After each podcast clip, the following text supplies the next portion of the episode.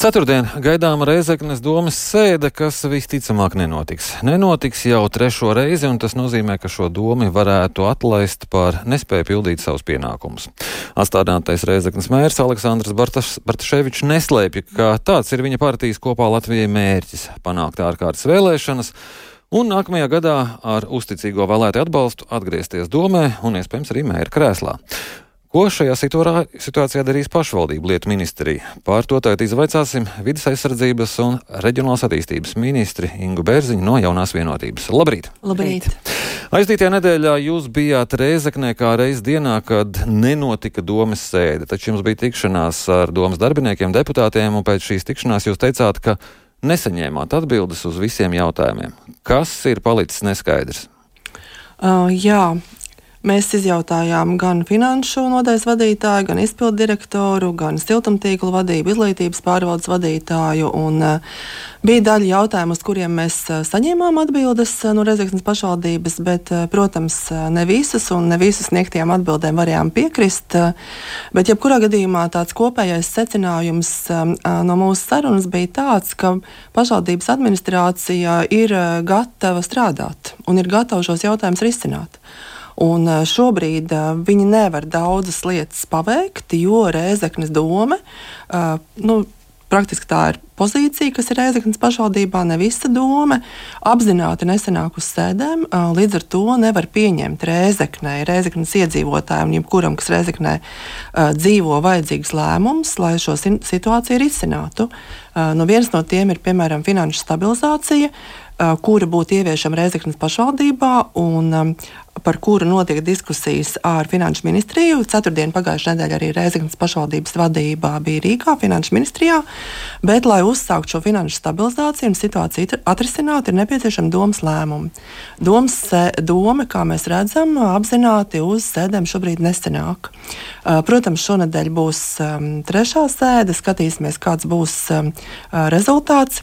Mans aicinājums domas deputātiem bija uzņemties atbildību, ja viņi reiz ir iedzīvotāji ievēlēti uz sēdēm sanākt un šos eh, vajadzīgos lēmumus Rēzeknas eh, cilvēkiem pieņemt. Uh, bet nu, kāds būs kā, risinājums, to grūti pateikt. Bet, nu, ja viņi nav gatavi strādāt, tad nolikt deputāta mandāts un vietā nāks citi deputāti, kuri tad varēs šos pienākumus pildīt. Nu, bet, ja nenoliek mandātus, Jā. doma būs rīcība nespējīga. Risinājums? Attiecībā um, Ko var darīt un ko nevar darīt šajā gadījumā? Ne tikai ministrija, bet arī ministrs kabinets un saima ir tā, ja doma nesanāk trīs reizes uz sēdēm, tad ir iespējams virzīt domas atbrīvošanu. Tas, protams, ir saimas lēmums, bet tas ir likumā uzlikts, uzlikt, iedots tiesības, bet ne pienākums. Tas, ko šobrīd es plānoju darīt, tas ir virzīt grozījumus likumā, likumā par pašvaldības deputātu statusu ir noteikts, ja deputāts bez attaisnojoša iemesla trīs reizes neapmeklē domas sēdi, tad doma šo deputātu mandātu deputātam var anulēt. Šobrīd šāds regulējums likumā doma jau ir. Anulēt. Doma var anulēt. Šobrīd šāds regulējums likumā jau ir. Tas, ko es plānoju darīt, virzīt grozījumus likumā, ka nevis doma šo mandātu anulē, bet līdzīgi kā tas ir Igaunijā, šis mandāts anulējās. Tas nozīmē, vai nu tā ir centrālā vēlēšana komisija, tad droši vien var būt diskusijas rezultātā, kas šo mandātu tieši anulē. Bet šādā gadījumā, teiksim, nu, septiņiem deputātiem, kuriem šobrīd nenāk uz sēdi, tas mandāts tiktu anulēts. Viņu vietā nāktu, kā likums nosaka, nākamie ievēlētie deputāti. Ja beigtos deputāti vienā sarakstā, tad likums šobrīd nosaka, var ienākt deputāti no citiem sarakstiem. Bet tas neatrisina šo situāciju. Uh, tas neatri, neatrisina konkrēti šī brīža Jā, situāciju. Tad, kā, kā atrisināsiet šo situāciju? Šajā brīdī mēs aicināsim Reizeknas domu strādāt. Kā jau teicu, mums nav pienākums uh, atbrīvot domu, bet ir iedot šīs tiesības. Tad es saprotu, jūs negribat Šobr... iet pēc Bartaševiča scenārija. Noteikti nē. Tā tad jūs neatlaidīsiet domu, un lai viņi tur marinējās savā sulā, lai iedzīvotāji ir neapmierināti. Lai nav nākošais gads nav budžeta un nav nu, praktiski to finanšu risinājumu, kur tās institūcijas, kas pašvaldībā strādā, kas nu, nav bet, politiski ievēlētas, nevar darīt darbu. Protams, nu, bet deputātiem ir jāuzņemas atbildība par to, ko viņi ir izdarījuši. Un arī iedzīvotājiem tas ir jāredz, vai viņi ir gatavi strādāt vai nav gatavi strādāt. Jo šobrīd ir visas iespējas to darīt. Un attiecībā uz pašvaldības darbu, protams, ka pašvaldība nenotiek jau tā, ka tagad nesanāks domas sēdes un tur viss sabruks. Nu, tā jau nebūs. Pašvaldībai tāpat tiks skaitīta 12. daļa no tā budžeta, kas viņai pienākās. Līdz ar to, protams, ikdienas funkcijas kādu laiku viennozīmīgi varēs veikt, algas tiks maksātas maksātas, eh, apkur tiks nodrošināta un tādas pamatlietas jau tiks izdarītas. Bet ir uh, runa par to, lai risinātu šo situāciju kopumā. Jā, kamēr nesanāk domas sēdes, tikmēr to nevar izdarīt. Bet nav tā, ka tur tagad kaut kas sabruks, ja nesanāks trīsreiz doma. Tad tas arī vai... momentā nenotiks. Tam ir, tam ir, nu, tas ir kāds. Uh, laika periods, kurā noteikti var strādāt pašvaldības administrācija, arī nepieņemot šobrīd domas. Tad jūs pagaidīsiet, kamēr iedzīvotāji paliks neapmierināti, bet Taševiča reitings nokritīs, tad varēs atlaist domu, ka zinās, ka viņu neievēlēs. Aptuveni tā. Negluži, kā es teicu, virzīšu. Um, likuma grozījums par deputāta mandāta anulēšanu, ja viņš trīs reizes neapmeklē domas sēdes. Ceru, ka saimnes deputāti man atbalstīs un šis likums tiks grozīts pietiekami ātri. Pēc tam jau es kā ministri man ir tiesības sasaukt domas sēdes, un ja domas sēdēs trīs reizes pēc kārtas neierodās deputāti, tad būs šobrīd jau ir likumīgas tiesības anulēt šo deputātu mandātu. Tikai tā problēma ir, ka šobrīd to var izdarīt doma. Ja to varēs izdarīt Centrālā vēlēšana komisija, tad uh, varēs tos deputātus, kuri nestrādā, nenāk uz sēdēm, no deputāta amata atbrīvot. Varbūt... Bet atstādinātais mērs nākamajās pašvaldību vēlēšanās taču atkal drīkst kandidēt. Ja viņam nav, ja viņš nav mm, krimināli sodīts, tad viņš drīkst kandidēt nākamajās vēlēšanās. Varbūt vajag šīs izmaiņas arī, ka atlaistu domju deputātus nevar ievēlēt nākamajā sasaukumā, un tieši tāpat saimnes deputātus atlaistas saimnes deputāts nākamajā sasaukumā nevar ievēlēt. Mēs noteikti varam par to diskutēt, bet grozot likumus un to, ko mēs šobrīd vēlamies darīt, grozot šo likumu par pašvaldību deputātu statusu diezgan strauji.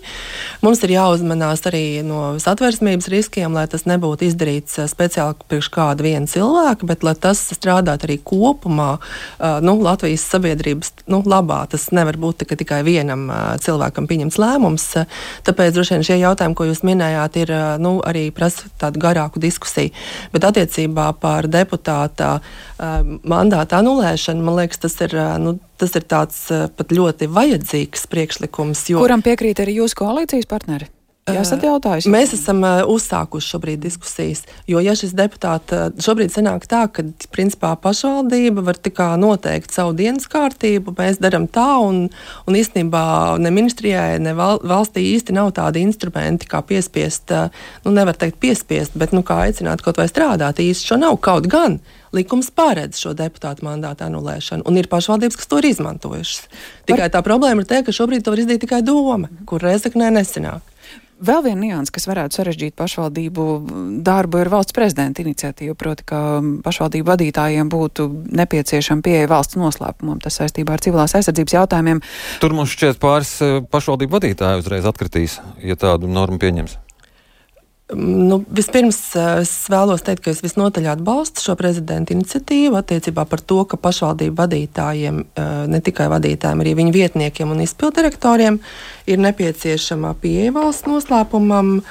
Jo nu, šī brīža ģeopolitiskajos apstākļos, kad Krievija turpina pilnu mērogā uzbrukumu pret Ukrainu, manuprāt, nav iedomājama situācija, kad pašvaldību vadība varētu neatbilst uh, likuma noteiktajām prasībām saņemt piekļuvi valsts noslēpumam un būt spējīgi darboties ar aizsargājumu informāciju. Uh, bet uh, attiecībā uz to, vai pašvaldības vadītājs kāds varētu atbilst vai neatbilst šī likuma prasībām, man šobrīd nav šādas informācijas. Nu, mēs kaut kā uz ogri palaukojamies. Nu, tur jau tur ciešie kontakti ar oligarhiem Krievijas, tur jau jautājums par nu, pielaidi. Nu, nu, jebkurā gadījumā tas jājautā būtu valsts drošības dienestam. Bet uh, vēl es vēlos vērst uzmanību, ka nav arī pamata bažām, ka valsts noslēpuma piešķiršanas pielaide varētu būt subjektīvs process, jo jo tie atteikuma iemesli tiek izskaidrot pašai personai, un arī valsts drošība iestāžu lēmums var pārsūdzēt ģenerālprokuroram un tiesam, tiesai, kas nodrošina nepieciešamo objektivitāti un līdzsvaru šajā jautājumā. Bet tas šāds priekšlikums nesašaurinās kopumā to cilvēku skaitu, kas var tad ieņemt vadošus amatus pašvaldībā. Vai tieši pretēji pēc tam sarežģīs to rezultātu, kāds būs pēc vēlēšanām, vērtēs vienu pēc otra, un tas atkal mazliet iebremzēs pašvaldības darbu? Nu, tādas situācijas ir iespējamas, bet vēlreiz, kā es uzsveru, šajos ģeopolitiskajos apstākļos, kādos mēs atrodamies, un tas apdraudējums, kas valstī šobrīd var būt no mūsu agresoru valstīm, kas mums ir kaimiņos, es domāju, ka šis lēmums ir pilnīgi pamatots, jo mēs varam arī modelēt situāciju, kas notiktu, ja nu gadījumā tiešām mēs nonāktu šādā pilnīgi reāla apdraudējuma situācijā, tajās pašvaldībās, kurās mums būtu mēri, kuri ir nelojāli uh, Latvijas valstī. Manuprāt, mums jāskatās arī no šāda aspekta. Un, ja vēl pavisam īsi varat komentēt to, kas notiek ar administratīvu teritoriālo reformu, kur subjektīvais ar objektīvo šobrīd saistībā ar Garkaldas pagastu sadalīšanu starp robežiem un ādažu novadu, nu, tas liecina par labu reformu vai jūs prāt, kāds ir tas skatījums? Jūs domājat, tieši vai reforma ir laba vai slikta, vai es laikam līdz galam nesapratu? Kā tas raksturo to, kā tā reforma ir izdevusies? Tas, vai reforma ir izdevusies un cik lielā mērā ir bijis viens ziņojums par to un pētījums, un nākamais ir plānots 2026. gadā, tika izdarīt kopumā secinājums par to, kāda reforma ir nedaudz pāragri, vajadzīgs ir laiks, lai. Protams, šis viens piemērs neko jā, vismaz, nesaka nē, reformu. lai vismaz vienu sasaukumu šīs pašvaldības nostrādāt. Pie tam jūs minētais piemērs ir jau iebalsots likumā par to, ka robežiem ir jāveic šī iedzīvotāja, nu, neiedzīvotāja aptauja, bet jāpiedāvā šīs robežas grozīšana līdz gada beigām.